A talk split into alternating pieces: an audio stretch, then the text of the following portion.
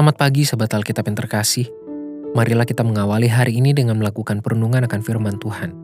Bacaan Alkitab kita pada hari ini berasal dari kitab Kidung Agung pasalnya yang keempat ayat 16 sampai pasalnya yang kelima ayat 1. Bangunlah hai angin utara dan marilah hai angin selatan. Bertiuplah dalam kebunku supaya semerbaklah bau rempah-rempahnya. Semoga kekasihku datang ke kebunnya dan makan buah-buahnya yang lezat Aku datang ke kebunku Dinda, pengantinku. Kukumpulkan mur dan rempah-rempahku. Ku makan sambangku dan maduku. Ku minum anggurku dan susuku. Makanlah teman-teman, minumlah. Minumlah sampai mabuk cinta. Setelah semua pujian dan ungkapan hati yang disampaikan oleh mempelai pria, sekarang giliran mempelai perempuan yang memberikan respons. Ayat 16 merupakan seruan dari mempelai perempuan yang mengundang mempelai pria untuk masuk ke dalam ruang dirinya yang paling personal dan intim. Ayat ini sekaligus menunjukkan bahwa cinta keduanya tidaklah bertentangan atau bertepuk sebelah tangan. Ada keterhubungan di antara mereka berdua yang menghasilkan pertautan cinta yang saling menginginkan dan terbuka satu dengan yang lain. Pernyataan yang muncul pada ayat ini pun menjadi undangan sekaligus sebagai bentuk keterbukaan diri mempelai perempuan untuk mempelai pria. Padet 16 ini mempelai perempuan sedang mengumpamakan dirinya seperti kebun penuh pohon-pohon dan buah-buahan yang terpelihara dengan baik dan siap untuk dipanen. Ia pun mempersilahkan mempelai pria untuk masuk ke dalam kebun itu dan menikmati segala buah-buahan yang sudah dipersiapkan olehnya. Sepintas ayat ini seolah menjadikan perempuan sebagai objek di hadapan laki-laki, entah perempuan sebagai komoditas seksual maupun harta kepunyaan yang berfungsi untuk memuaskan keinginan laki-laki.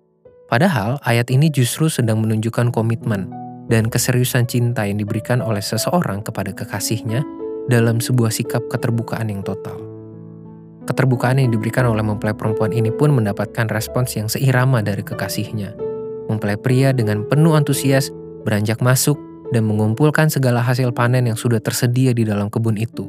Inilah bentuk ungkapan puitis dari keseriusan cinta mempelai pria yang begitu penuh keinginan untuk hidup bersama sang mempelai perempuan.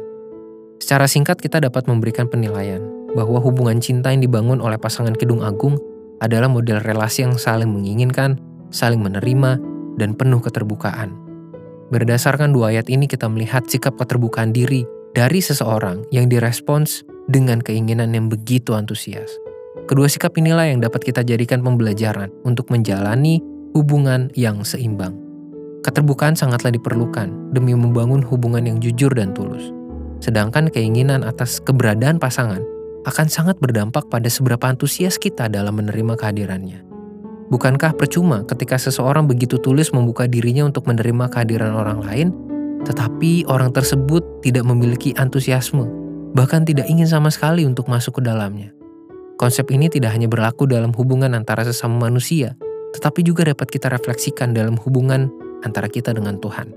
Bukankah sesuatu yang miris ketika Tuhan telah membuka dirinya untuk menerima kita, tetapi kita justru menolaknya? Marilah kita berdoa.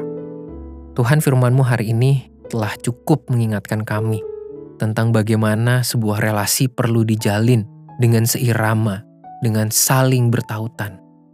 Keterbukaan dan penerimaan yang antusias perlu ada di dalam setiap hubungan yang kami jalani entah dengan sesama manusia maupun dengan Tuhan.